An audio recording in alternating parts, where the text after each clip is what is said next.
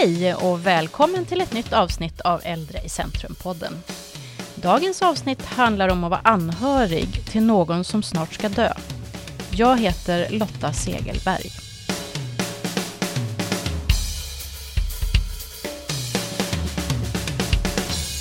Vi ska alla dö, men ändå är det svårt för många att prata om livets slut. Jag har två gäster i studion idag med lång erfarenhet av palliativ vård. Annette Alvarisa och Mikaela Lutman. Välkomna hit. Tack. Tack så mycket. Jag tänkte att vi börjar med att ni berättar lite om er själva. Kan du börja Annette? Mm, det kan jag göra. Jag är specialistsjuksköterska i cancervård och professor i palliativ vård. Jag är anställd vid Marie Cederschiöld högskola och jag har ett uppdrag på Stockholms sjukhem. Uh, uppdraget handlar om att främja palliativ omvårdnad. Jag är också vetenskaplig ledare vid Palliativt kunskapscentrum i Region Stockholm. Och jag har ungefär 30 år varit sjuksköterska och de 30 åren har jag jobbat inom specialiserad palliativ vård. Och du Mikaela? Jag är eh, från början invärtesmedicinare, hematolog, jobbade med det ett antal år och sen, eh, sen snart 20 år har jag jobbat i palliativ vård på Stockholms sjukhem. Och jag jobbade först på avdelning, vilket jag tyckte var fantastiskt. Ända tills jag började jobba i den avancerade hemsjukvården, ASIH, och insåg hur fantastiskt det var. Och sen dess har jag inte gått in på avdelning igen, utan jag jobbar bara hemma hos de sjuka. Mm. Vi har bjudit in dig lite grann också för att du har skrivit en bok som heter Om döendets vardag. Vilka behov såg du att skriva den och hur kom det sig att det blev en bok? Under åren så har man samlat på sig väldigt många berättelser, fantastiska människor som man har träffat och ganska många dråpliga episoder också. Det är lite svårare kanske att, att eh, sätta det på pränt. Jag blev någon gång tillfrågad av en anhörig om vi som jobbar i palliativ vård själva är rädda för att dö. Och när jag tänkte efter så tror jag att alla möten som jag har haft med döende faktiskt har hjälpt mig att själv inte vara rädd, för att jag ser, har sett så mycket av hur bra det kan bli. Och sen fick jag frågan från förläggaren Artos förlag som ville eh, att någon skulle skriva en bok om hur det är att dö idag. Och eftersom jag hade tänkt på det här ämnet så mycket så blev jag jättetacksam för frågan och tackade ja. Jag tänkte att vi eh, går igenom lite olika begrepp som kan vara bra att känna till. Skulle vi kunna börja med att förklara, vad är palliativ vård? Palliativ vård, det kommer ju ursprungligen från hospicefilosofin, som det kallas. Och det var ju en filosofi som uppstod i motvikt till att döende var ett misslyckande i sjukvården. Då vände man sig främst till patienter med avancerad cancersjukdom och svåra symptom och i livets sista tid. Under de åren som har gått sedan tidigt 60-tal så har ju palliativ vård blivit ett område som har breddats betydligt och idag ska inkludera alla typer av diagnoser eller eh, kroniska tillstånd. Och också eh, gälla vid alla typer av vårdplatser. Jag brukar ibland få frågan vad är det som skiljer palliativ vård från god omvårdnad. Målet med palliativ vård är att främja livskvalitet. Och eh, jag brukar utgå från en teoretisk modell som innehåller tre komponenter. Och den ena är livskvalitet, vilket ju är målet för palliativ vård. Den andra komponenten är helhetsvård, vilket betyder att man ser till människans olika dimensioner, fysisk, psykisk, social och existentiell. Och den tredje komponenten handlar om erkännande av döden. Och det är kanske den tredje komponenten som då skiljer ut oss från liksom vanlig, väldigt god omvårdnad. Och det betyder inte att döden hela tiden ska vara i centrum, men att vi behöver ha döden i rummet. Vi behöver erkänna döden och det är ju också för att möjliggöra val man behöver göra under den här sjukdomstiden. Både för den som är sjuk, men också för närstående. Eh, det finns ju många olika beskrivningar definitioner av palliativ vård, så jag tror säkert att eh, Mikaela kan fylla på med några tankar kring hur vi ska se på palliativ vård idag. Men som Manette säger, det här har ju eh, utökats och breddats väldigt mycket under åren, så att sjukvårdsåtgärder som i, för 20-30 år sedan kanske absolut inte kunde vara möjliga i palliativ vård, som till exempel att ge antibiotika eller till och med cytostatika. Det gör man idag därför att man kan se att en person som får en infektion som ger svåra symptom kan faktiskt få lindring av att ge antibiotika. Medan däremot man i ett skede där en människa är väldigt nära döden och den här infektionen kanske bara skyndar på på ett barmhärtigt sätt. Man väljer att inte ge det. Så att man tar mera hänsyn till situationen. Man är lite friare idag, tycker jag, att behandla bredare, så att säga. Mm. När sätter man in palliativ vård? När bedömer man att eh, det ska gå under det namnet? Ja, en svår fråga.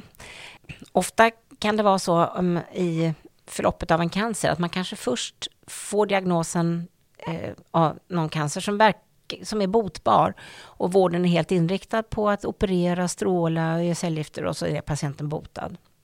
Många är ju det också då förstås. Men sen finns det ju de som får ett återfall, att det kommer tillbaka och cancern är spridd och inte längre botbar. Och då brukar vi ofta kalla det för kanske ett tidigt palliativt skede den unga människan som har leukemi och som är definitivt botbar, den kan få jättetuffa behandlingar, alltså, alltså som kan vara riktigt, riktigt jobbiga. Medan den som är lite kanske lite äldre, men framförallt har en spridd sjukdom där man inte räknar med bot, där ger man inte riktigt lika tuffa behandlingar, utan då är man ute efter att förlänga livet, men framför allt att livet ska bli bättre, att behandlingarna ska vara symptomlindrande. Och det är ju en typ av palliativ vård i ett tidigt skede.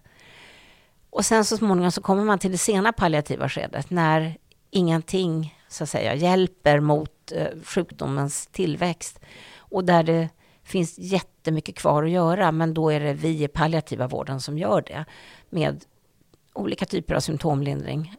Smärta är det de flesta tänker på, men det handlar om illamående, ångest och andnöd och, och allt möjligt. Så. Jag brukar ha en undervisningsbild i mina föreläsningar och det brukar visa tre modeller av palliativ vård. Där den modellen som togs fram då på 60-70-talet innebar att man ger sjukdomsspecifik vård och behandling, eh, som Mikaela säger, tills effekt inte längre uppnås och då införs palliativ vård. Den andra modellen som eh, mest eh, växte fram under 90-talet, det var ju att palliativ vård fasades in allt eftersom den specifika behandlingen avtog. Och det moderna sättet att beskriva det är ju att parallellt med sjukdomsspecifik vård och behandling ges också palliativ vård, så att det ligger parallellt. Och då brukar man ju säga att ingen av de här modellerna är ju liksom bättre eller att föredra framför de andra, utan det kan passa i olika situationer och för olika personer. Jag tänker att vi kan fokusera samtalet nu på anhörigperspektivet. Hur brukar anhöriga få ett besked om att nu, nu är det inte långt kvar? Hur, hur går det till? Alltså, I allmänhet så känner vi ju familjen vid det laget. Eh, eller vi har haft samtal. Vi, ofta är ju någon med vid inskrivningen. Men är den inte det så brukar vi försöka se till att träffa anhöriga ganska snart efter. Och det är viktigt och, eller åtminstone väldigt bra, att vi etablerar en kontakt med närstående så fort som möjligt.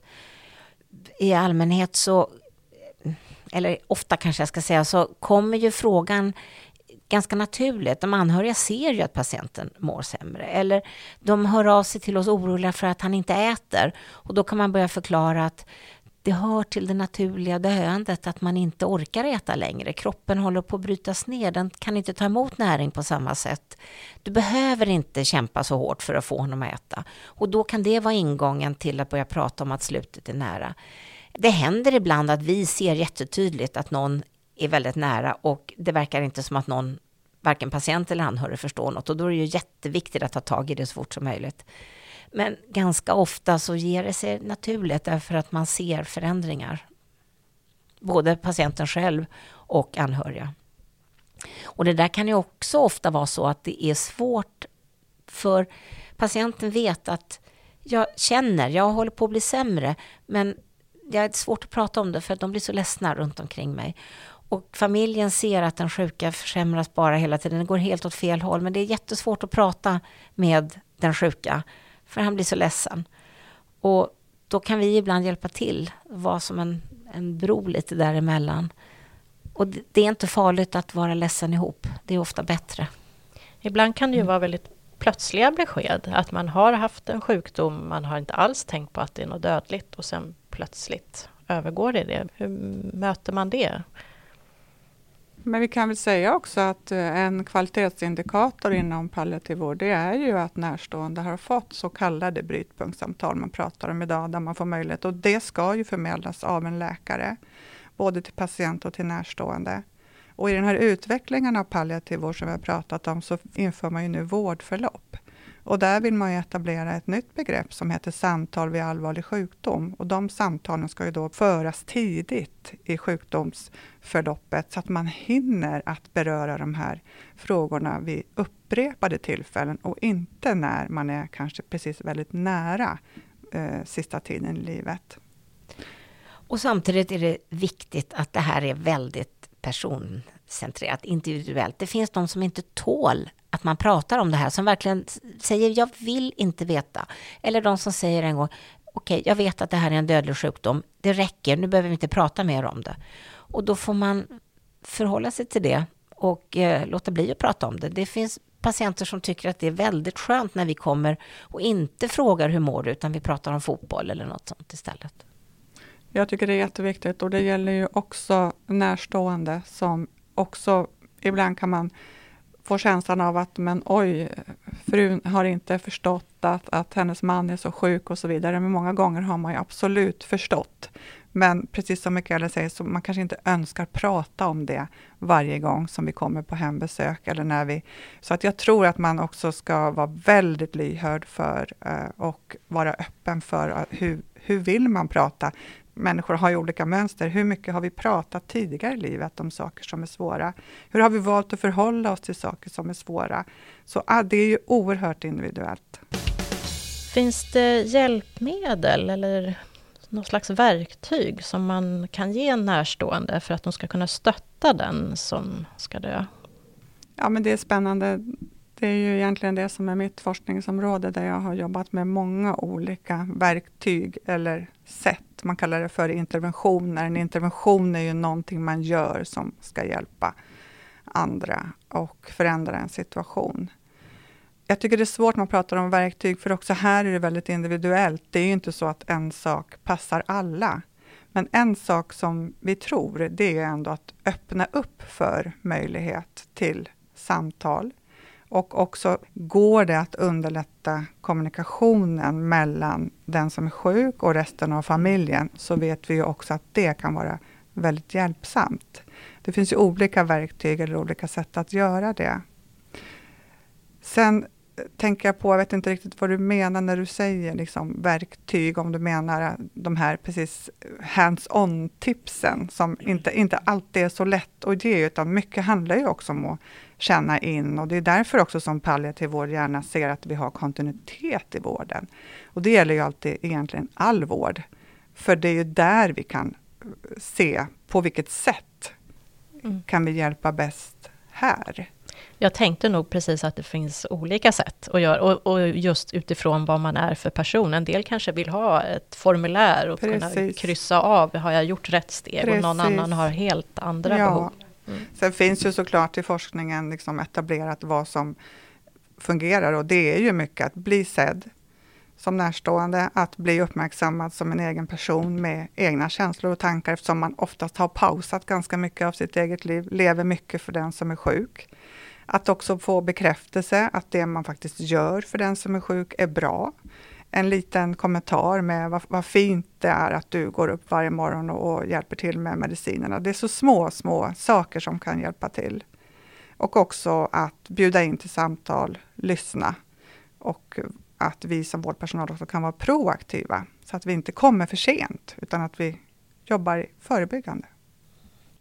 Och jag tycker det är viktigt att poängtera att behovet av att lite grann ägna sig åt sina egna intressen, att komma ut, att få göra någonting annat. Många känner att de vill inte lämna den som är sjuk. Det, och ska jag ägna mig åt mina egna roliga saker? Men då brukar jag ofta prata om det här med återseendets glädje. Att eh, i ett, ett förhållande är man ju van vid att man inte är tillsammans hela tiden. Man ses efter jobbet eller de som är pensionärer åker på olika håll kanske och ses till middagen eller så. Den som blir sjuk, då är man ofta tillsammans precis hela tiden. Men det här att göra någonting annat och sen komma tillbaka och berätta eller bara få uppleva den här glädjen att men nu är hon tillbaka, vad härligt. För den sjukes skull så ska den anhöriga ägna sig åt någon, lite andra saker också. Gå ifrån ibland, göra någonting annat.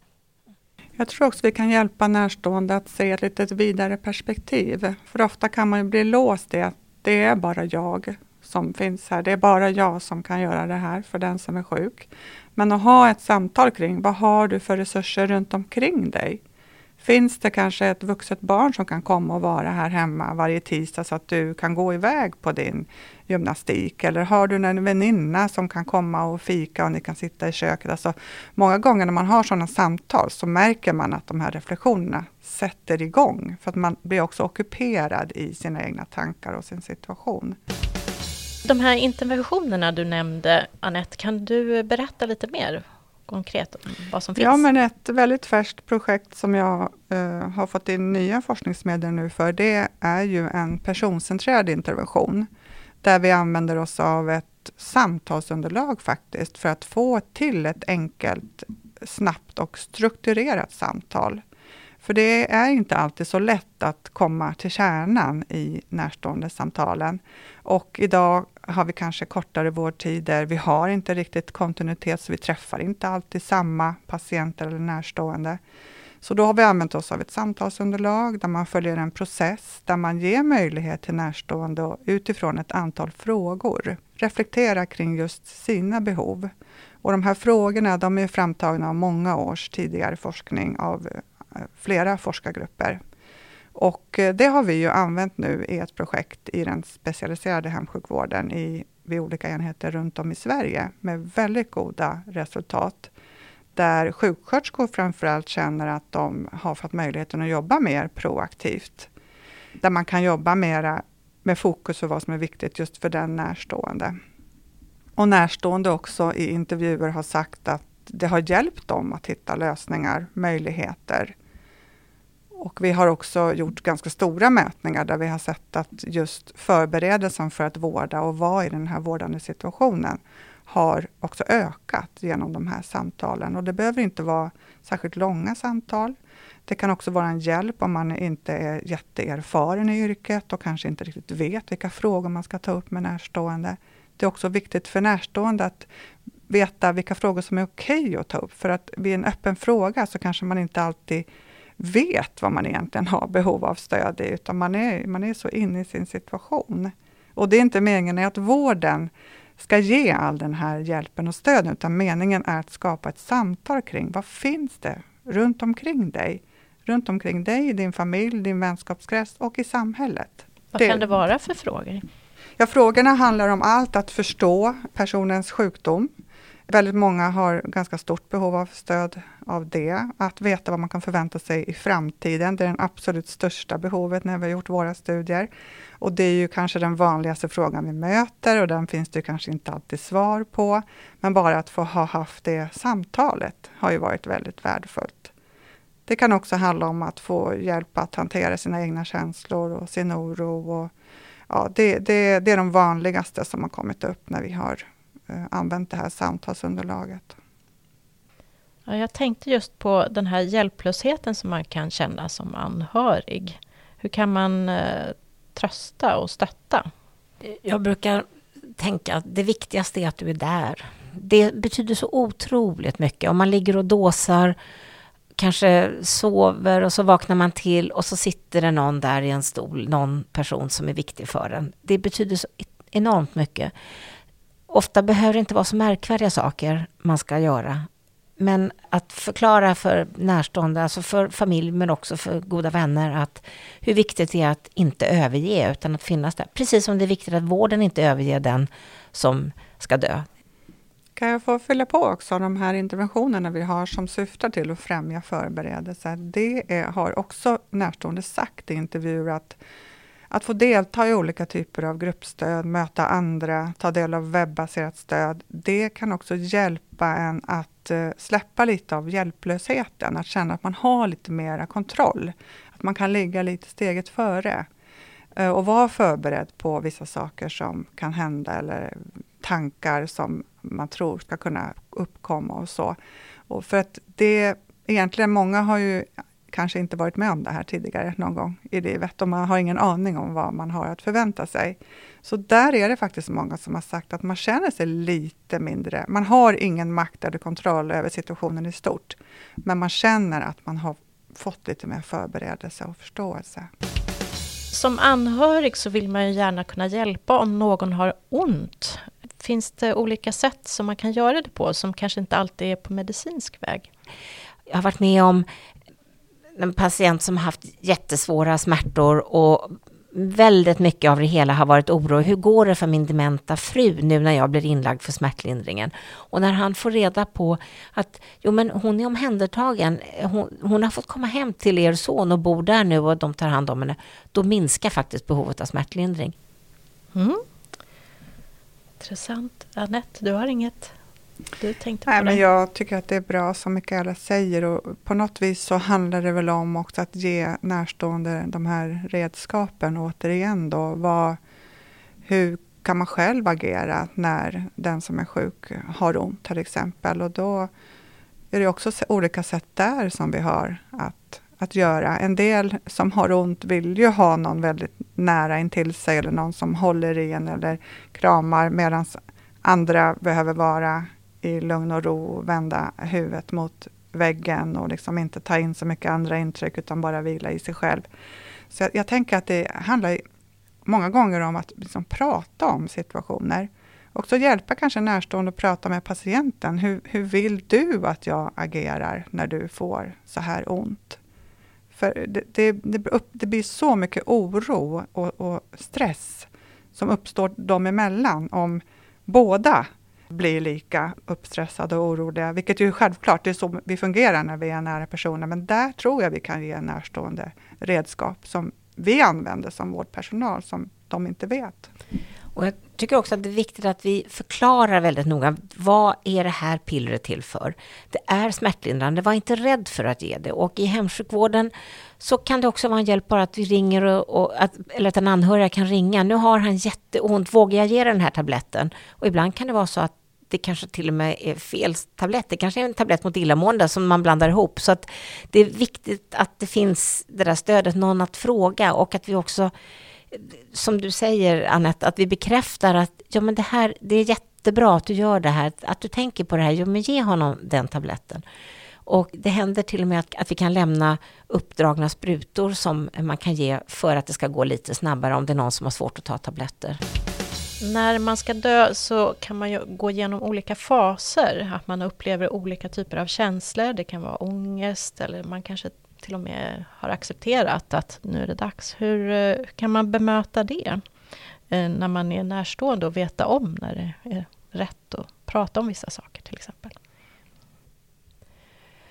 Ja, det är som vi har sagt förut, man har olika sätt att prata om saker i olika familjer jag brukar oftast säga att det är viktigt att komma ihåg att man behöver inte behandla någon med silkesvantar bara för att den är sjuk. Man har rätt att bli arg till och med på den som är sjuk. Man får inte skilja som ovänner, men att det kan bli hårda ord ibland och att man kan tala om att man som anhörig tycker att det är jättejobbigt att du inte kan prata om hur dåligt du mår. Eller jag tycker att det är jobbigt när du mår så här dåligt, att du inte involverar mig, till exempel. Att känslorna är tillåtna plötsligt behöver man inte behandla den sjuka som någon helt annan, utan den personen är ju densamma i grunden. Och sådana saker som man retade sig på när han var frisk kan man reta sig på när han är sjuk också. Och det är inte farligt. Och när kan man börja prata om vad som ska hända sen, efter döden? Ja, men det hänger också egentligen ihop med hur man har man pratat tidigare och eh, klarar man, en del gör ju det tidigt, en del har ju redan gjort det eh, liksom eh, i frisk, eh, när man är frisk och det är oftast mycket lättare än när någon är sjuk. Där kan ju vi hjälpa till och identifiera. Jag tror vi har varit inne på det att många gånger så kan ju patienten kanske prata med mig och säga hur man tänker och tycker. Och sen så pratar närstående med mig och säger hur man tycker och tänker. Men man pratar inte tillsammans. Är det och, vanligt att det är så? Ja, ja, jag tycker att det är väldigt vanligt. Ja, för det svåraste som finns är ju att prata med de som står riktigt nära om det som är svårt. Vi vill ju inte göra varandra ledsna, inte oroliga och det gäller ju både patient och närstående. Skyddar ju varandra när vi är i nära relationer. Men jag tror, och all forskning visar ju att om vi pratar och när vi pratar så brukar det vara hjälpsamt för båda. Hur står man ut som anhörig när det är Ibland är det ju ett väldigt snabbt förlopp och, och ibland kan det ju vara otroligt långdraget. Mm. Både det väldigt snabba och det väldigt utdragna är jättejobbigt. Um, ehm, många människor säger ju att det de helst sättet hur de vill dö, det är att de vill bara falla ner död och, eller inte vakna på morgonen eller så. Och ofta är ju det det allra värsta för anhöriga. Att hitta sin gamla mamma sittande död vid köksbordet när man kommer, det är inte roligt. Det är det verkligen inte. Eh, och de där riktigt snabba förloppen när man inte hinner med. Det finns ju de som opereras, tror att de kommer in med någon enkel åkomma, blindtarm eller något och så hittar man hela buken full med metastaser och så dör de på två veckor. Det, det är fruktansvärt svårt. Um, och det, det, tar tid att uh, överhuvudtaget, alltså efteråt också, att överhuvudtaget greppa vad som har hänt. Man behöver ofta ganska mycket hjälp faktiskt att, att få prata och prata och älta det här. Sen är det naturligtvis en hjälp om, trots det snabba förloppet, man som anhörig upplever att ja, men de gjorde i alla fall allt vad de kunde. De såg till att han inte hade ont, även om det gick jättefort så behövde han i alla fall inte ha smärtor det bästa vi kan göra för anhöriga är att göra det så bra som möjligt för de sjuka. Men även det långdragna förloppet, någon som behöver ligga väldigt, väldigt länge och vänta, är ju svårt. Det där känslan av att det kommer verkligen bli en lättnad när han dör, det har ju många dåligt samvete för. Och det tycker jag är viktigt att vi pratar om. Vi kan ibland till och med jag tror inte att man väcker en björn som sover, utan jag tror tvärtom att man bekräftar när man pratar om det här, hur hur svårt det är att se att han är så här sjuk, hur svårt det är att det tar den här tiden. Men att det faktiskt också kommer vara en lättnad för alla. Vi går och väntar på någonting som vi inte vill ska hända. Men eftersom det är fullkomligt oundvikligt att det händer så har vi rätt att känna att det kommer att bli en lättnad. Sen är det i alla fall så att när någon väl dör, då, det går inte att vara förberedd. Även om vi har vetat i, i några månader att det går sakta mot slutet. Den dagen det väl händer, hur ledsen man blir då, det kan man inte föreställa sig innan. Tyvärr är det så. Att man kan liksom inte sörja klart i förväg. Ja, men något som är viktigt det är väl ändå liksom att vi alla erkänner att ja, men döden är en del av livet. Och det är inte farligt att prata om döden. Det är heller inte farligt att vara ledsen inför andra. Och jag tycker att det är så fint i, minns ni Ulla-Karin som var TV Hallåa i SVT och som skrev en bok som heter Ro utan åror. Och hon har ett stycke där hon skriver att min dotters tårar blir min tröst. Därför att för henne var det värdefullt att se att min dotter är så ledsen för att hon kommer att sakna mig. Och jag upplever många gånger att vi hela tiden försöker att inte visa varandra att vi är ledsna. För det är ju liksom en del i sorgen. Och kunna dela sorg, det kan ju också göra att sorgen blir lättare. Mm. Jag håller helt med. Jag brukar ofta säga att det värsta som kan hända människor är ju att ingen gråter över en när man ska dö. Så det här att alla är ledsna runt omkring, våga visa det. Jag tänkte att eh, vi kunde avsluta med att ni skickar med ett par goda råd till anhöriga. Vill du börja, Mikael? Det kanske är tjatigt vid det här laget att man vågar prata. Jag förstod nästan men, att du skulle ja, säga. Men jag tycker också att våga fråga. Våga fråga de som är runt omkring. Man kan få bra hjälp av sjukvårdspersonalen men även av, av vänner och, och så. Och våga ta emot hjälp tacka ja till den som vill komma med en middag. Men också våga tala om när man inte orkar mer. Det är jättesnällt av er att ni vill komma, men nu orkar vi inte. Eller nu måste vi få vara för oss själva. det är många som är all, för hänsynsfulla i den sista tiden. Var inte det, utan tänk på att den här är den tid vi har tillsammans och den ska vi försöka göra det bästa möjliga av. Nej, men Mikael har sagt jättebra saker och vi har sagt saker under tiden också. Och eh, ja, men alltså, det låter som en klyscha, men det handlar också om att ta vara på tiden. Och försöka att, vi säger alltid det, försöka vara i nuet. Det är verkligen inte lätt. Men jag har också varit i forskningsstudier där närstående har sagt att att, att för, försöka förbereda mig för livet som kommer utan den som är sjuk, är också att vara i nuet, att ta vara på tiden. Våga prata tillsammans, visa känslor, ta in hjälp från andra. Eh, säg till när du inte orkar. Och också faktiskt säg det till den som är sjuk. För där är det också ett spel emellan hela tiden, där man kan ha olika önskemål om huruvida man ska vårdas hemma eller inte. Men i samtal så kommer jag alltid lite längre. Hur kan man söka stöd från samhället? Ehm, det finns olika sådana här sorgegrupper. Kyrkan brukar ju ofta ha någonstans där man kan få prata med andra i samma situation. tror jag är bra. Vi erbjuder våra närstående stöd efter att någon har dött under en begränsad tid efteråt. Och märker kuratorn som då i allmänhet har de här samtalen att den här personen behöver lite mera stöd så kan han eller hon slussa den anhöriga vidare. Jag tror också att ta hjälp av de som är nära. Att eh, prata med sina vänner, att eh, våga ta emot hjälp även efter döden. Men då ska man komma ihåg att många tycker att det är jättesvårt att prata med någon som har drabbats av en stor sorg. Man vet inte vad man ska säga. Man är så rädd för att trampa i klaveret. Språket är ju fullt av fällor. Man säger, ja men det här var ju dögott. Oh nej, det kan jag inte säga. Alltså, och många drar sig väldigt mycket för att prata med den som har drabbats av en svår sorg. Och det kan ju vara smärtsamt, men man ska försöka, tror jag, tänka att det är inte av illvilja, utan det är av rädsla.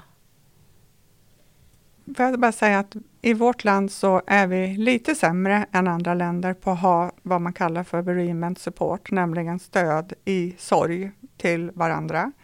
Och det har ju utvecklats på grund av det ganska mycket eh, organisationer, ideella organisationer, nätverk på sociala medier. Eh, och det kan man söka sig till för att många söker gemenskapen med andra som har liknande erfarenheter.